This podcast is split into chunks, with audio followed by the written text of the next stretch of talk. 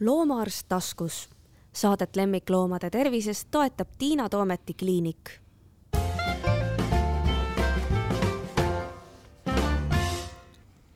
tere, mina olen loomaarst Tiina Toomet, minu vastas istub minu hea kolleeg Ülle Kell, kelle ma olen siia taskusse meelitanud ja tänase päeva teema on meil pärilikud haigused, tere Ülle! tere! Me peame ilmselt kõigepealt lahti seletama natukene, mis asjad need on, need pärilikud haigused ja miks me ka noh, nii koera kui kassi puhul tegelikult, aga vist rohkem koera puhul on meil olnud andmeid, et miks me sellest üldse räägime? no see pärilike haigus, haiguste teema on üks paras äh, purk vihmausse. Et äh, sellest ei saa üle ega ümber, kui meil on tõuloomadega tegemist ja aretusega, pärilikud haigused on siis sellised, mis kanduvad edasi ühelt põlvkonnalt teisele tänu mingitele muutustele geenides. no ja ilmselt on ka see ampluaa läinud palju laiemaks, sellepärast et ähm, et ega on ilmselt väga suur, suur osa haigusi, mille kohta me täna ei tea, et nad on pärilikud ja võib-olla kahe, kolme, nelja, kümne aasta pärast teame, et see tegelikult on pärilik, noh, tihtipeale inimesed küsivad, et oi, miks mu koeral jäid neerud haigeks. Mm.. osadel juhtudel on elustiil, aga mingitel juhtudel ilmselt on ja teatud tõugudel on ka, on ka pärilikkus ja, ja ilmselt see laieneb, see, see ring, keda no, see võiks haarata. jah, no tegelikult geene võib süüdistada ju kõiges. Kõik, ei no kõik see, mis organismis on, mis organismis toimub, on seotud geenidega yeah. ikkagi, kuidas nad reageerivad yeah. millelegi. aga jälle see, kas ta avaldub, eks ole, see võib olla väga palju seotud ka mingite muude asjaoludega yeah.. me küll lubasime, et me ei räägi düsplaasiast, aga, aga nüüd me jõudsime ikkagi kohe sinnamaani välja, sest et paljudel inimestel seostuvad pärilikud haigused just nimelt düsplaasiaga, sest et et düsplaasia uuringud olid ju ühed esimesed silmauuringute kõrval, silmani me muidugi jõuame ja räägime pikemalt kus hakati tegema siis nii-öelda uuringut, et kindlaks teha, kas, kas, kas see võiks olla pärilik.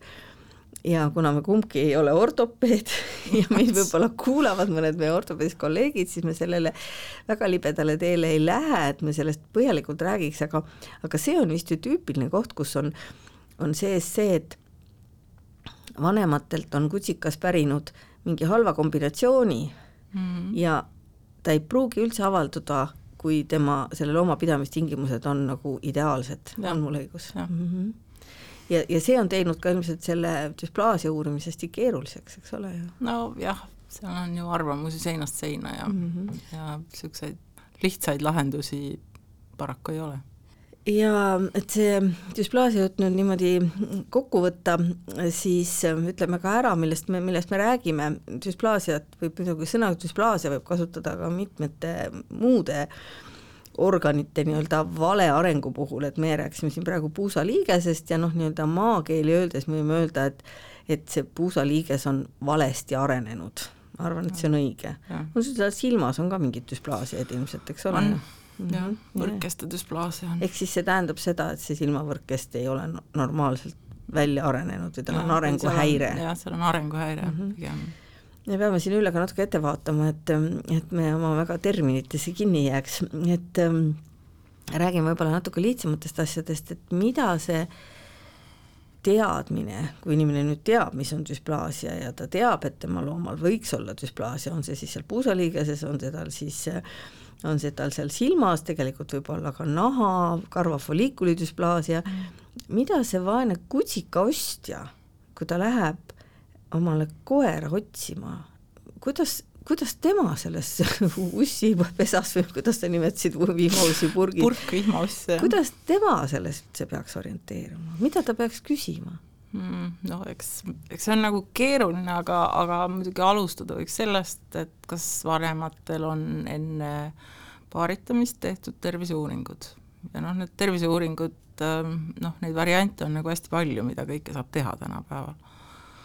aga mida siis tehakse, röntgenipilte, eks ole, kas ähm, noh, puusaliigesed, küünarliigesed, pildistatakse ka selgasid äh, teatud tõugudel äh,, selja, selgrööröntgen, siis ähm, on silmauuring, kus me siis äh, kliiniliselt kontrollime, vaatame silma sisse, vaatame, kas seal mingisuguseid muutuseid ei, ei ole. Ja põhimõtteliselt tänapäeval on siis võimalus, osad, osadel tõugudel on teatud haiguste teadasaamiseks lihtsalt vereproovid, osadel saab äh, teha geeniteste ja vereproove ma mäletan, omal ajal esimeste hulgas tulid Dobermannid ja mingisugused maksahaiguse vereproovid, siis kas mitte ei ole ka see, mida doktor Viitma tegi, neid äh, kuulmisteste jah, see on see on osadel tõugudel, et ei oleks, on, on see, see on pärilik, see kurtus või? jah, see ikka. on ja, ja mm -hmm. osaliselt küll, see on seotud valge värviga näiteks. aga no isegi meie ei suuda neid praegu kõiki siin meelde tuletada.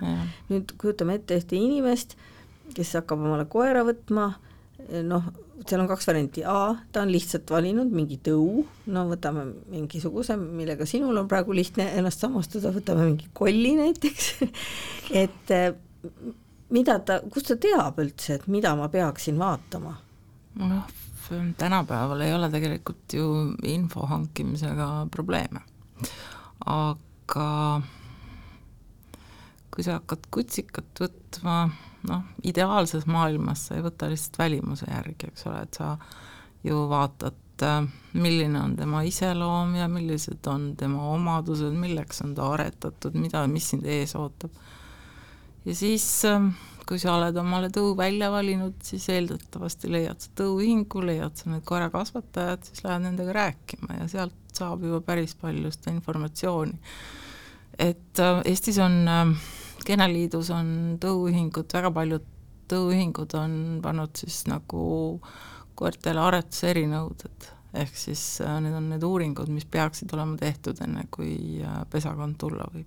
ehk siis tõuühingu kodulehel võiks see info olemas olla? Äh, jah, see on kindlasti tõuühingu kodulehel, kui neil on see olemas ja tegelikult leiab selle ka Kenneliidu koduleheküljelt üles. ja kui ja kui sellel emal-isal need uuringud on tegemata, et siis võiks lamp põlema lüüa, et miks nad tegemata on. ja muidugi see on muidugi see seltskond, nüüd kui me jõuame nende kutsikaveskite ja millerdajate juurde, kes siis ei tee ju mingeid uuringuid noh, müüvadki siis nii-öelda selle võrra ja tõutunnistuse võrra neid kutsikaid odavamalt, et aga ta on ju täpselt sellesama tõu nägu mm. ja nüüd on siis, ma arvan, see üks väga suur ala, mida peaks siis nüüd harima ja inimesi õpetama, et et see ei ole lihtsalt ainult tõudunisse puudumine, vaid see on tegelikult äh, väga paljude garantiide ja, ja ka sellise hea kasvataja abi puudumine, sest garantiidest ma ka ei julge jälle nagu väga rääkida, sest no samamoodi võib ka sellel koeral ja kesel on kõik uuringud tehtud, võib sündida ju jah, loodus on, loodus on loodus, eks ole, et me ei saa, me ei saa kõike ette ennustada, mis juhtuma hakkab, et see paraku ei ole, aga, aga me saame vähemasti välistada mõned asjad. aga tõenäosus ikkagi, kui on uuringud tehtud, siis, siis on, on, on ikkagi suurem, et sa saad, sa võiksid saada terve kutsika no, kui, kui ostes millega. või siis mm. teine variant on see, et, et sa tead, mis sind ees ootab jah, see on ka hea teadmine, et sa, sa tead. vot seal nüüd tekib see teine mm, koera või kutsikaotsija mm, tüüp mulle silme ette, mida me ise tegime kunagi mm, peaaegu kakskümmend aastat tagasi, tahtsime hästi tervet koera, noh -hmm. loomaarstina on jube raske leida hästi tervet koera, sest meie kahjuks näeme ju haigeid. ja oi, siis me vaatasime igasuguseid ja muidugi läksime ikka valele teele, valisime Boston Terrieri, lihtsalt infot tol hetkel oli vähe. Ja tegelikult nii-öelda lollidel veab, meie saimegi hästi terve koera, aga kui ma pärast vaatasin sinu raamatut veel, seda pärilike haiguste raamatut, kus Boston Terrier võttis enda alla vist ka kaks lehekülge, siis mõtlesin, et ahah, et läksin tegelikult nii-öelda alt, aga samas noh, koera sain hea. Mm.. et kus, kuidas tahan tervet koera, kuhu ma lähen siis, kus ma saan terve koera? mõni ütleb, võta krants, ma ei tea, kas see on väga hea variant. noh, see terve, see on nüüd minu isiklik arvamine, minu arust see terve koera mõiste on tänapäeval, see venitatakse nagu kummi, et sinna mahuvad kõik asjad sisse. aga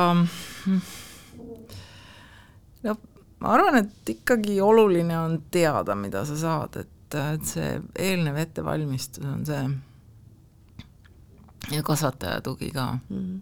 ehk siis sa, sa juba nagu kujutad ette, noh, ma just mõtlen nagu düsplaasia koha pealtki, nüüd puusaliigese düsplaasia koha pealt, et sellel tõul võiks esineda sellist probleemi ja siis ma jälgingi selle koera söötmist, liikumist, treeningut, kõike nagu hästi hoolega, mida ma võib-olla mõnel teisel tõul, kellel seda eelsoodumust ei ole, ei, ei pea nii tähelepanelikult mm. jälgima, et, et see ongi äkki see koht, kus ma selle elustiili kõikesi saan tema mm., tema nii-öelda tulevikku paremaks muuta. või siis otsid õigel ajal, räägid ka loomaarstidega, eks ja,. jah, jah, et, et mida, mida silmas ja, pidada. Mm sinuga rääkides mulle jäi kõrvu selline lause, et kunagi olid kasvatajad teadlikumad, aga et praegu on nende pärilike haiguste uuringute tegemine natuke muutunud tegemiseks tegemise pärast. mida sa sellega silmas pidasid? no ma nüüd võtaksin sõna eelkõige silmahaiguste koha pealt, kuna sellega ma tegelen iga, igapäevaselt ja mul ikka sageli on mul nutt kurgus just, et, miks niimoodi tehakse, miks et noh, elu on meil kõvasti edasi arenenud, et kui nüüd pärilikest silmahaigustest rääkida, siis need uuringud said alguse ikka nagu pea sajand tagasi, kui äh, mingil seletamatul põhjusel hakkasid pimedaks jääma jahikoerad, kordonisetterid. nii et üks teatud tõug? üks teatud tõug, just ja, ja kui neid äh, siis silmi uurima hakati, noh, kuna ta on jahikoer, siis jahikoera jaoks on silmad oluline, eks ole, ja kui ta ei saa tööd teha, siis, siis ei ole jahimehel temaga midagi teha. ja kui neid uurima hakati, siis äh, leiti äh, silmast muutused, ehk siis leiti selline surnud võrkkest, mis, kus ei olnud enam äh, äh, neid äh, valgustundlikke rakke sada aastat tagasi, ma kujutan ette, et siis Herriot kutsus mõne silmaarsti appi äkki või? Ma kardan, et see aeg ei ole, ah inimese arstid. no ma mõtlengi no, inimese arsti just, et vaevalt, et veterinaarias see teadmine veel oli. aga no see oli nagu esimene ja siis ma arvan, et äh, kui ma nüüd õigesti mäletan, siis kuskil mingi kuuekümnendatel hakkas see nagu rohkem levima. sest et äh, noh, see esimene haigus, mis oli, oli siis äh, PRA ehk progresseeruv võrkeste atroofia, mis tähendab siis seda, et et äh, vanused äh, norm-, noores eas on kõik hästi, aga vanemas eas hakkab võrkest surema ja loom kaotab nägemist järk-järgult, et see algab äh, pihta sellest, et ta ei näe enam hämaras hästi ja mingi hetk on ta ka päevavalges ei, ei saa nägemisega aga see ei ole nagu mingisugune me hakkame ka vanas eas halvasti nägema, see ei ole mingi niisugune loomulik, normaalne, looduslik protsess mm? -mm, ei see on ikka patoloogia ikka viga. Mhm, mhm. aga siis, kas olidki just mingid lambakoerad, mingid kollid või sel-, mm, selle no kollidel on, siin on noh, nüüd nende silmahaiguste osa, osas on nad ikkagi, paljudel juhtudel on nagu tõuspetsiifilised mm. -hmm. et erinevatel tõugudel on reeglina erinevad probleemid ja noh, uurime me neid ikkagi sellepärast, et nad võivad potentsiaalselt pimedaks teha eks ju, et see on, see on see asi, et keegi ei taha endale pimedat looma. no samas ma tean, et sul on käinud korduvalt selliseid loomi, kes on mitu aastat pime olnud ja omanik alles märkab siis, kui on uude kohta läinud ja koer jookseb peaga vastu seina, nii et ilmselt see pimedaks jäämine see ei ole, see ei ole maailma lõpp mm., sest et äh, loomad, pimedad loomad saavad oma tuttavas keskkonnas väga hästi hakkama lihtsalt küsimus on see, et kas neid tasuks juurde produtseerida, neid, kes nimelt, jäävad noores eas pimedaks. et kui me mm -hmm. nagu, kui me nagu teame, mis seda haigust põhjustab, siis me ju üritaks neid loomi mitte kasutada. sest et noh, seesama PRA või see progresseeruv võrkeste atroofia oli tegelikult esimene haigus, mida hakati rohkem uurima ja noh, siin äh, eelmise sajandi seitsmekümnendad, kaheksakümnendad, kus tulid siis, äh, siis ei olnud äh, geenitestidest ei olnud veel haisugi. Ja siis olid esimesed uuringud, äh, mida tehti, oli elektroretinograafia, kus siis mõõdeti nagu seda võrkesta äh, impulsside nagu edasiminekut, et sellest pandi narkoosi kas pilt läheb edasi või ei lähe põhimõtteliselt? põhimõtteliselt jah, jah, mhm. et kuidas see on ja siis, siis oli nagu ette ennustatav, et kui mina olin, õppisin esimest korda neid äh, silmahaigusi Rootsis Uppsala ülikoolis, siis ma mäletan, kui tehti mm, elektroretinograafiat puudlitel, kes, keda plaaniti aretuses kasutada, et noh, see ei ole lihtne uuring, ta on üsna töömahukas ja ka selle testi väljatöötamine on nagu hästi töömahukas, ta nõuab, eks ju, haigeid loomi, keda uurida, et sa tead, millised need äh, nii-öelda kõverad on. Aga samal ajal juba ju tehti ka seda uuringut, et noh, otse vaatasid aparaadiga ja, silma, eks. ikka kliinilised uuringud ikka tõesti, jah. aga noh, nende häda on ju see, et, et miks me tahame varases eas teada, et puudlitest on ju, puudlite PR on sellise käitumisega, et äh, kolmand-, noh, ütleme, esimesed nõrgad nähud et kui sa vaatad, siis sa näed, et seal on midagi valesti, tulevad kuskil kolmandast kuni viienda eluaastani. ehk siis ta on jõudnud kaks pesakonda juba Just, sünnitada. jah mm -hmm., jah, ja siis pimedaks jääb hiljem, eks mm -hmm.. see on vist hästi paljude nende eh, selliste haiguste mm, probleem, mis ei avaldu sul ju sünnihetkel. Ja, ja, ja, ja noh, sa ju tõesti tegelikult, ma ei saa ka selle kasvatajale midagi eda, ette heita, et tema meelest on tal täitsa terve koer. ta on jah, uuritud koerad. jah, jah, ja siis on ta need pesakonnad saanud mm. ja siis selgub, et uh, ups, seal on probleem mm., noh, ma kujutan ette, et nüüd ma ei tea, kas mingi seadus seda ka kohustab, aga et korralik kasvataja siis seda koera enam ei kasuta aretuses. seal olid ähm, veeraga koert, no ühesõnaga nende raskemate silmahaiguste puhul on ikkagi see, et sa ei kasuta aretuses neid vanemaid. no mis järglastega saab? Äh, ja sa ei kasuta aretuses ka järglasi mm. -hmm. ehk siis see on nagu tupik, et sa oled toonud ja. omale mingi tohutult ilusa koera, kellel on välimik ja kõik on super ja siis enam sealt edasi seda liini ajada ei saa? no tegelikult äh, tänapäeval on meil ikkagi tulnud appi geenitestid. nii? et et äh, sul on ju noh, koerte puhul äh, nende pärilike haiguste teema on selles mõttes keeruline, et nad on enamasti varjatud kujul, ehk siis mm -hmm. retsessiivsed. ja, ja sa kandjatel ei pru-, pruugi näha olla kliiniliselt mitte midagi, et kui me teeme sellele defektse geeni kandjale nagu kliinilise uuringu, siis me ei näe seda, et on mm ja noh, seda aitab avastada geenitest juhul, kui on olemas, on teada see mutatsioon, mis põhjustab seda konkreetset haigust. ehk siis see muudatus geenis. just mm, -hmm. jah, see muutus selles geenis. sellest dominantsist ja retsessiivsest ka paar sõna, sellepärast et muidu jääb jälle segaseks, et jube lihtne oleks, kui need vead oleksid kõik nii-öelda dominantsed ehk domineerivad, ehk siis mm. tähendab seda, et et näiteks isal on vigane geen, emal on terve geen kui nad omavahel kokku saavad, siis vigane geen, nagu öeldakse, domineerib, lööb ja. läbi ja me näeme kohe, et saba on kõver või ma ei tea, silmad vaatavad kõõrdi või noh, mis iganes. järgmises põlvkonnas ja, kohe. järgmises, jaa, aga, aga kui me räägime sellest nii-öelda retsessiivsest, mis on siis peidetud, see tähendab seda, et mõlemast mõlemad vanemad näevad välja nagu terved, neil ei ja, ole midagi häda kliiniliselt on nad terved, kui nad on kandjad. jah, ja nüüd äh, võib olla see pesakond ka nii, et et, et, et on, kas saavad kokku kaks tervet geeni ja, ja see koer näeb täiesti okei okay välja, saavad kokku üks haige ja üks terve geen, jälle kutsikad näevad normaalsed välja ja, ja siis see üks õnnetu äbarik, eks, kellel satuvad kokku need kaks seda retsessiivset geeni, seda haigust kandvat, siis see on, oh appi, mis nüüd juhtus, et mis tal viga on tegelikult ta on lihtsalt toonud nii-öelda päevavalgele selle mm. varjatud probleemi, mis on seal võib-olla kulgenud juba ei tea kui kaua, eks mm., ja selle jälile jõudmine on ikkagi väga-väga keeruline.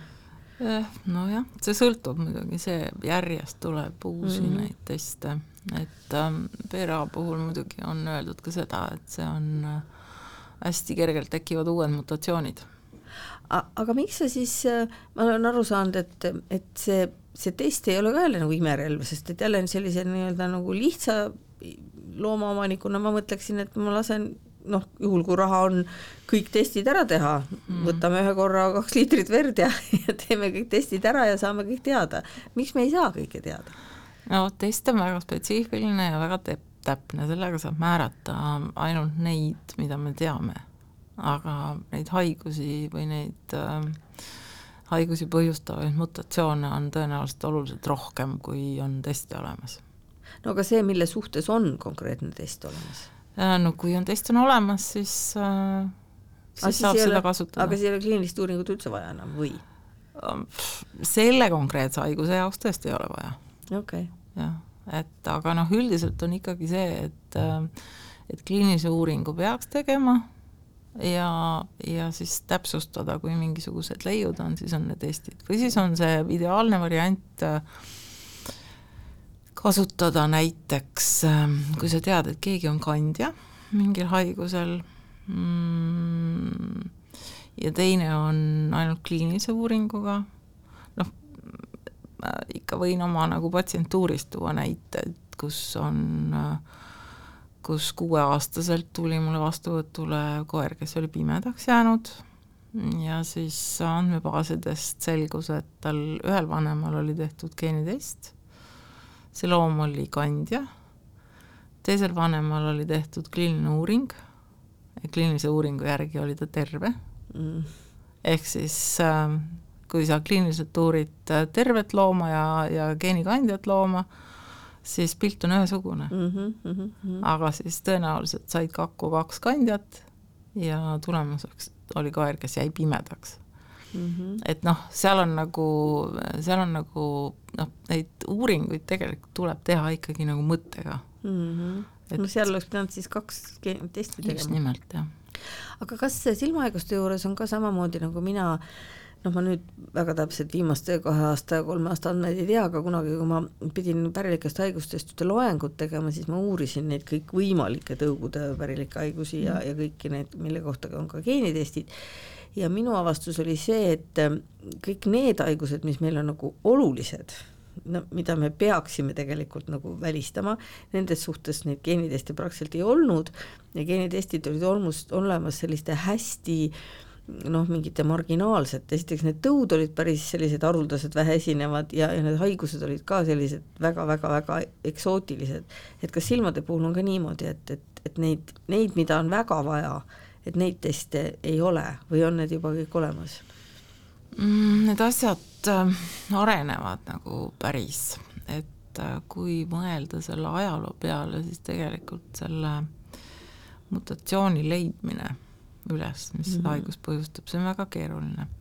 ja noh, on erinevad uurimiskeskused üle maailma ja siis äh, ikka on loomaarste, kes leiavad nagu mingisuguse ja noh, mõnikord on niisugused hästi isoleeritud populatsioonid, kus, kus võib olla, et et nad ongi nagu äh, lähedalt sugulased või need geenid ringlevad ja seal hakkab midagi juhtuma, see on põhjus, miks, miks võib olla on lihtsam leida sellises Jaa, väikses jaa. grupis, eks ole mm. -hmm. ja noh, selle puhul nüüd see on küll rohkem arstidele kui inimestele, et, et kui neid teste tehakse, siis tasub alati jälgida seda, et kui palju neid, kui palju loomi on uuritud, milline, kui suur see populatsioon on. sest et noh, tänaseks on täiesti kindel ka see, et näiteks needsamad PR-ad põhjustavad mutatsioonid, need on populatsioonides erinevad. et nad USA-s võivad olla, võib olla üks mutatsioon, mis põhjustab seda haigust ja Euroopas hoopis teine. ehk siis, et saadad siit Euroopa koera vere Ameerikasse ja saad mingisuguse mõttetu vastuse tegelikult on seda olnud ka, jah. mm. -hmm. nii et, Et, et, et testid on head, aga me ei saa olla pimesi nende usku. no jah, et see on, nad aitavad täpsustada diagnoosi, eks ju, kui see on olemas. Nad aitavad, tegelikult nad aitavad kasutada, kui on tõesti nagu selline väga väike populatsioon. Ja sul ei ole, et kui see geenibaas hakkab nagu ahenema, siis sa saad, noh, sa saad selle abil ju kasutada neid. aga see geenibaasi ahenemine on ju tegelikult väga suur probleem väga paljude tõugude juures. Mm.. no kassist ma üldse ei räägi, seepärast et kassid, suur osa kassitõuge ongi ju aretatud nii-öelda, et oli mingisugune geenimutatsiooniga kass mm., kellel olid need lühikesed jalad ja ja ma ei tea, teistmoodi saba ja siis kõik tema järglased on nüüd moodustanud siis selle uue tõu, mis tähendab seda, et nad on kõik lähisugulased. Mm.. nii et noh, jätame praegu kassi kõrvale, see on nii keeruline, aga aga, aga koerte puhul on ju ka sellist asja. no ikka see populaarse isase sündroom, et no vot, seleta lahti, mis on populaarse isase sündroom? üldiselt on see, et üks isane jätab, kui nad, kui ta on väga kuulus, väga hästi, väga edukas, eks ju, siis Ilus. ja ilus kõik, siis tahaksid kasutada seda mm. -hmm. aga see tähendab seda, et äh, tema suudab levitada oma geene nagu päris korralikult ja, ja teised, kes ei ole nii kuulsad, need jäävad nagu kõrvale. Mis tähendab on... seda, et kõik on lõpuks omavahel sugulased? noh, jah, mm -hmm. niimoodi juhtuda, et aga kas seda, kas see, kas me ei ole targemaks saanud, kas seda ei jää vähemaks, kas inimesed nagu ei mõtle? sest noh, ma arvan, et need, need väga palju asju, mida me praegu näeme, on tulnudki ju sellest, noh, toon piltlikult näite, et mingil koeral on tohutu ilus saba. Ja ma tahan seda isast oma emasele paariliseks, ma tahan ka, et mu kutsikad oleks selle ilusa sabaga. ja siis me oleme saanud hästi palju selle ilusa sabaga koeri, kellel tegelikult näiteks on pärilik epilepsia või, või, või noh, midagi, midagi veel sellist, mis, mis on, mi-, mida me ei tahtnud, selle, et see sabaga kaasa tuleb, eks ole ju. ja siis me mhm. võtame mingi järgmise asja, mõtleme, et aa, jätame need epileptikud välja, et et ja noh, jätame selle säbaga, kus seda teist, et valime mingi järgmise ja siis me saame mm. portsu mingisuguseid, mingisuguseid muid noh, kas või mingeid silmaprobleemegi või. jah, see on jah, see terve talupoja mõistuse kasutamise koht, et noh, üldiselt on, on juba ikka ammu nagu räägitud, et kui sul on, kui sul on mingisugune isend või koer või eksemplar, keda sa ilmsasti, hirmsasti tahaksid aretuses kasutada, aga tal leitakse midagi siis äh, soovid, siis tasub kasutada näiteks tema pesakonnakaaslast, kes on terve, eks ole. noh, et siis sa ei saa vähemasti seda geeni, et muidugi mitte midagi, mitte midagi kindlat ei ole, kõik on ju mm,, me ei saa looduse vastu, aga yeah., aga jah, hästi palju, hästi palju on nagu, hästi palju asju on ju seotud välimusega, eks ju.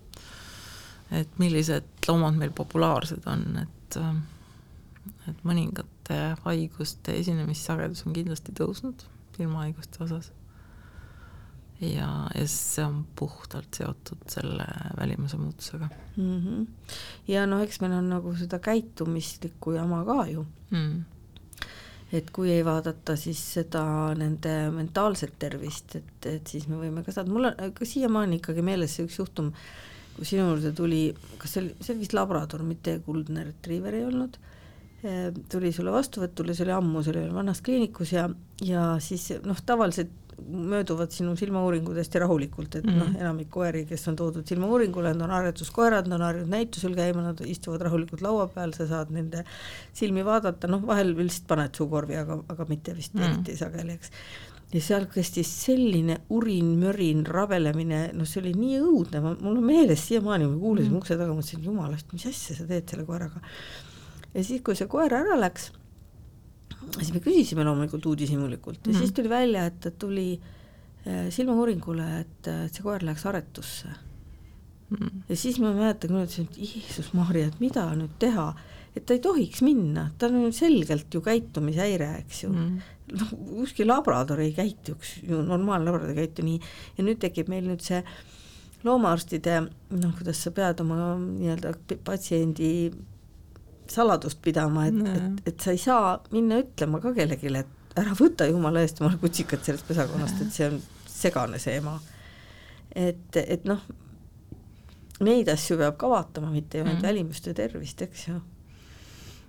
jah, jah, õnnetuseks ongi see, et ilu varjutab kõik muud aga kusagil riikides ju on see, et kõik need uuringud pannakse üles ja sa saad vaadata neid nagu ma, ma ei mäleta, mis pidi see oli, kas see oli ainult see, et on uuritud või seal oli ka see, et sa said andmed teada?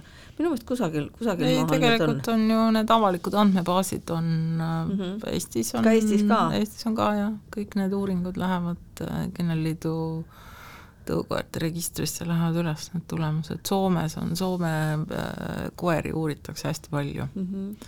see on tõesti nagu Põhjamaades on, on nad hästi uuritud. aga on nad tervemad ka?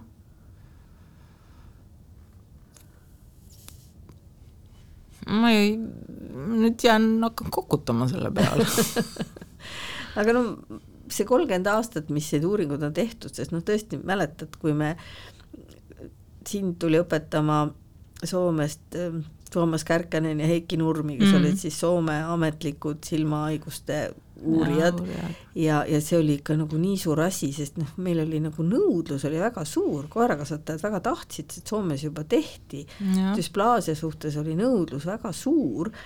Nüüd on seda kolmkümmend aastat tehtud, ma tahaks väga, et sa vaataks mulle optimistlikult otsa, ütleksid, et sellest kõigest on ikkagi ka kasu olnud. noh, vahest ma ei suuda nii optimistlik enam olla. see on, ma arvan, et hästi see uurimine lihtsalt uurimise pärast kohati tundub, võtab üle nagu, et äh, tehakse teste sellepärast, et saaks äh,, saaks nagu noh, kinnituse sellele, et kõik on korras, eks ole, aga siis, kui seal midagi, mingid muutused on, siis on äh, maailm teistpidi, et äh, inimesed ei suuda leppida siis sellega, et su koeral on varjatud viga või? Ei, ikka nagu noh, inimesi on hästi palju, eks. erinevaid. erinevaid jah, ja, ja suhtumine on, on ka nagu erinev ja ja noh, see, see nagu, et kui sa oled äh, võtnud koera ja, ja tahaksid äh, teda nagu aretuses kasutada ja tegelikult on ta mingi, mingi viga küljes ja siis äh, üritad leida nagu tee, et sealt ümbert minna ikka teha, et seda, seda tunnistada endale, et äh, sorry, et see ei ole sobiv koer aretuseks, see vist on nagu,